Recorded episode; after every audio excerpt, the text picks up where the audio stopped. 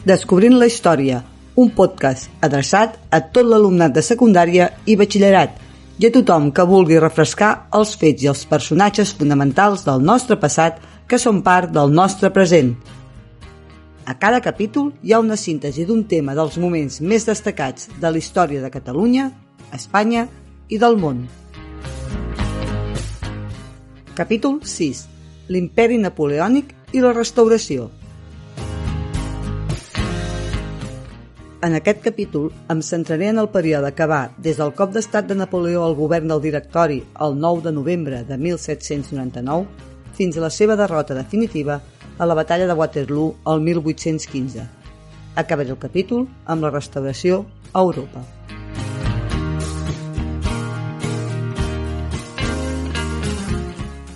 He estructurat el capítol en quatre parts. En la primera explicaré qui era Napoleó i com va arribar al poder.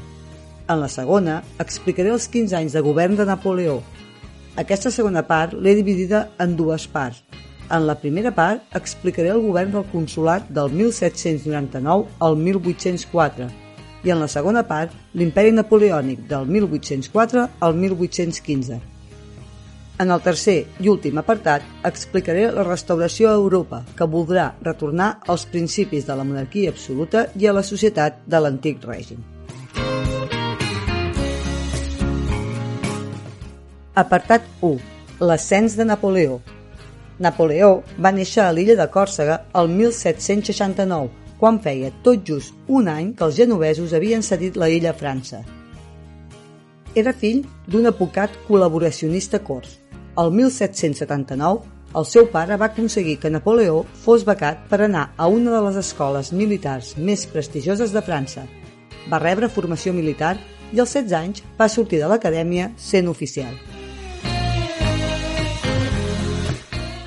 La seva educació estarà basada en els principis de la il·lustració i estarà d'acord amb l'esclat de la Revolució Francesa. Precisament, durant els fets revolucionaris, Napoleó estava a Còrsega, on havia hagut de tornar degut a la mort del seu pare.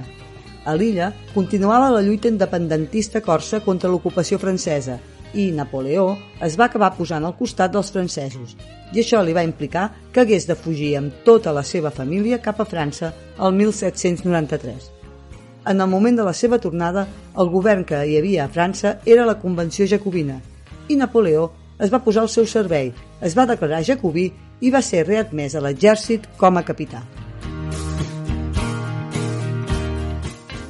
La seva primera victòria militar va ser la recuperació de la ciutat de Toló, el desembre del 1793, que havia caigut en mans dels monàrquics francesos, que l'havien donat els anglesos i els espanyols. A partir d'aquest moment, va començar una brillant carrera militar al servei de la Convenció. Va ser empresonat després del cop d'estat contra la Convenció Jacobina el 28 de juliol de 1794 degut a la seva vinculació al Comitè de Salut Pública. La seva carrera es va començar a redreçar l'octubre de 1795, quan, com a segon comandant de l'exèrcit, va dirigir la repressió dels realistes que s'havien aixecat contra el directori.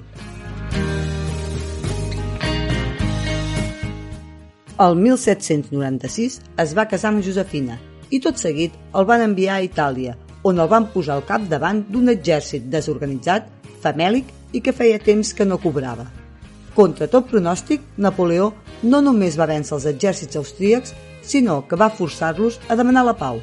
Va signar el Tractat de Campoformio, que després va ratificar el directori pel qual Àustria cedia Bèlgica a França i reconeixia el control francès a la Renània i es quedava amb quasi tots els territoris del nord d'Itàlia i expandia la seva frontera fins al Rin. el pes de Napoleó en la política francesa cada vegada va ser més gran. Els membres del directori es van començar a malfiar de Napoleó, ja que aquest tenia, sota seu, el domini d'un gran exèrcit victoriós i el volien ben lluny de França, i li van proposar invadir la Gran Bretanya. Napoleó tenia clar que la superioritat naval anglesa era indiscutible. El que va fer Napoleó va ser idear un altre pla, que va consistir en tallar la ruta comercial anglesa a Orient, per això va conquerir Egipte i Síria, que estaven sota domini de l'imperi otomà. El 1799 va tornar a França convertit en un heroi i va acceptar de bon grat ser el general que els moderats necessitaven per realitzar el cop d'estat que posés fi al directori.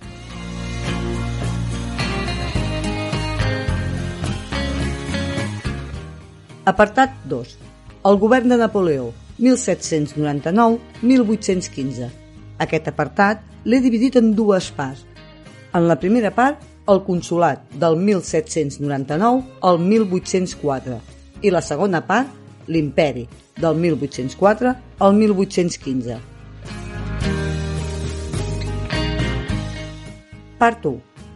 Podem considerar aquest període com la darrera etapa amb un cert caràcter revolucionari, ja que serà durant aquests cinc anys que es consolidaran les conquestes assolides durant la Revolució Francesa i també es definirà un nou ordre social, el burgès. També serà el moment de l'expansió de les idees revolucionàries pel món, ja que amb les conquestes fetes per l'exèrcit de Napoleó es van difondre els principis de llibertat de la Revolució Francesa i es va ajudar a posar fi a les monarquies absolutistes que hi havia a Europa. Napoleó, durant aquest període, concentrarà tot el poder a les seves mans i anirà enfortint el seu poder personal. En aquests cinc anys passarà de primer cònsul a cònsul vitalici fins a ser proclamat emperador. Després del cop d'estat de Brumari, el 9 de novembre de 1799 contra el directori, es va establir un govern anomenat el Consolat, que estava format per tres cònsols, Ducos, Sieyes i Napoleó, com a primer cònsol.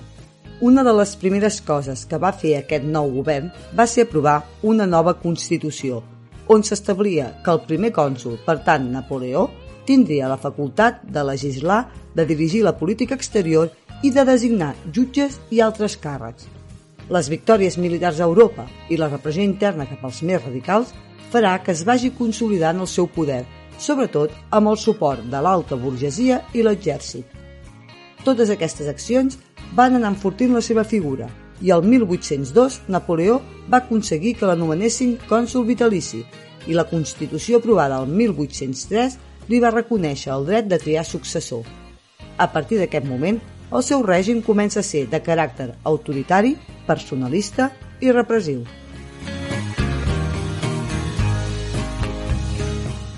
Quines foren les reformes que va fer el consulat? El 1804 va establir el Codi Civil. Aquest codi establia la llibertat individual, el dret a la propietat privada, el matrimoni civil i el divorci. En definitiva, consolida les conquestes fetes durant la Revolució. En educació, va promoure l'educació pública i va establir els estudis de primària, secundària i universitat. En quant a l'economia, va crear el Banc de França i la moneda, el franc, i també va potenciar el comerç creant les cambres de comerç i el Codi de Comerç. Finalment, va fer les paus amb l'Església i va firmar el 1801 el Concordat, o sigui, un acord amb el Vaticà per tal de posar fi a la divisió religiosa a França. L'Estat es mantenia laic. Això vol dir que no donava suport a cap religió ni creença concreta. Tot i així, l'estat francès reconeixia el catolicisme com a religió dels francesos. I finalment, en quant a l'administració, va dividir el territori en departaments. Aquests estaven sota l'autoritat del prefecte, que era el representant de l'Estat. Això implicava una centralització administrativa i el control dels ajuntaments.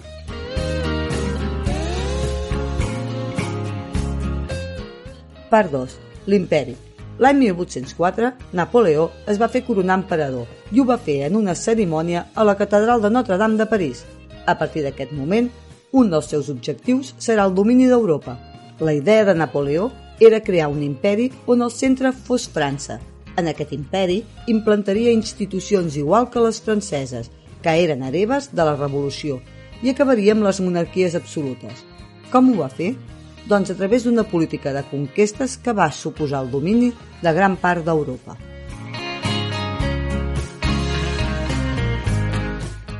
Davant d'aquesta política agressiva de Napoleó, la resposta de la resta d'estats europeus va ser crear una coalició antifrancesa per tal d'intentar derrotar-lo. De fet, se'n crearan fins a set coalicions. Fins al 1812, les campanyes de Napoleó seran exitoses. La més important serà la batalla d'Austerlitz, l'any 1807. on derrotarà una coalició austríaca i els russos posant fi al Sacre Imperi Romano-Germànic. Aquest mateix any establirà el que es coneixerà com a bloqueig continental als britànics per tal d'evitar l'entrada de mercaderies angleses al continent. L'objectiu que tenia Napoleó era ofegar Anglaterra, però va ser un fracàs. Anglaterra va continuar mantenint la seva capacitat industrial i comercial i, a més, molts comercials europeus van rebutjar aquest bloqueig ja que els perjudicava i van continuar negociant amb Anglaterra. El 1808, Napoleó ocupa Espanya, pensant que seria una empresa fàcil, però no serà així. Serà a Espanya on l'exèrcit francès, la Gran Armée, patirà la primera derrota a Europa, concretament a la batalla de Bailén, el juliol de 1808. L'exèrcit francès quedarà encallat a Espanya degut a la resistència espanyola. El 1810, Napoleó es divorcia de Josefina i es casa amb Maria Lluïsa d'Àustria. Amb això s'emparentava amb la realesa europea. En aquest moment semblava que tota Europa pertanyia a Napoleó i que el seu domini seria invencible. Però no va ser així.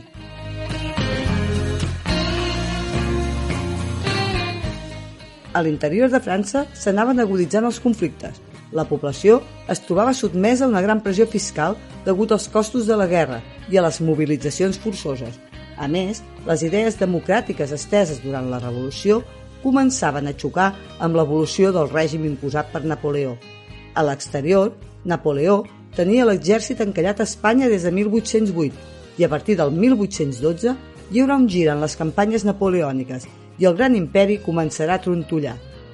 El que suposarà el fracàs més gran serà la invasió de Rússia, amb la idea de forçar-la a respectar el bloqueig continental. Inicialment va ser un èxit, però acabarà amb un desastre total. Napoleó s'haurà de retirar de Rússia i dels 600.000 soldats que van intervenir en la campanya només en van tornar 100.000.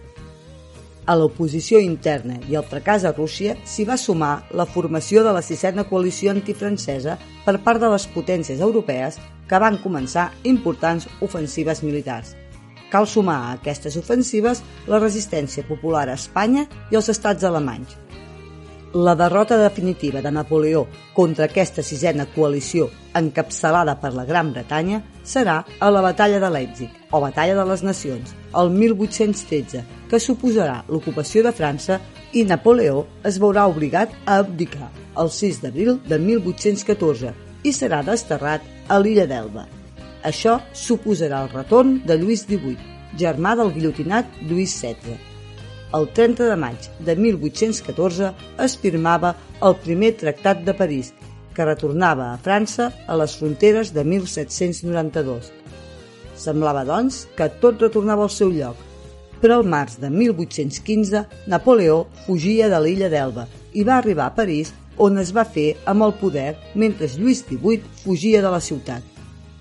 Va ser un govern efímer que va durar 100 dies i va acabar el juny de 1815 a la batalla de Waterloo, on Napoleó es va enfrontar als aliats units en una setena coalició i va ser derrotat. Això va suposar la seva segona abdicació i va ser desterrat a la illa de Santa Helena, on moriria set anys més tard, el 1821.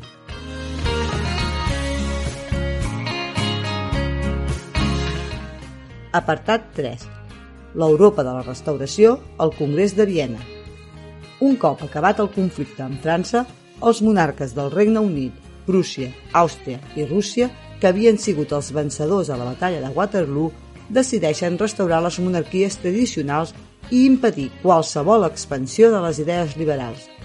Per fer-ho, es van reunir a Viena entre el setembre de 1814 i el juny de 1815, sota la direcció del canciller austríac Metternich. En aquest congrés es van definir els principis del que seria l'Europa de la restauració. Aquests principis els podem resumir en quatre. El primer seria desmuntar totes les reformes sorgides de la Revolució – i retornar a l'antic règim amb la restauració de l'absolutisme monàrquic. El segon principi serà reorganitzar el mapa d'Europa en benefici de les grans potències, amb un doble objectiu. El primer era buscar un equilibri entre les diferents potències i el segon era dominar aquells territoris que podien ser origen de moviments revolucionaris. El tercer principi serà el compromís a celebrar congressos per tal de resoldre els possibles conflictes internacionals i així evitar la guerra entre potències considerades amigues. I el quart i últim principi serà el dret a la intervenció en aquells països on hi hagi amenaces d'una revolució liberal. Per això es crearà la Santa Aliança, que estarà formada per Àustria, Rússia i Prússia. Més endavant s'hi afegiran el Regne Unit i França. Amb el Congrés de Viena es va intentar posar fre al liberalisme polític, però com veurem en les revolucions liberals de 1820 i 1830 no ho van aconseguir.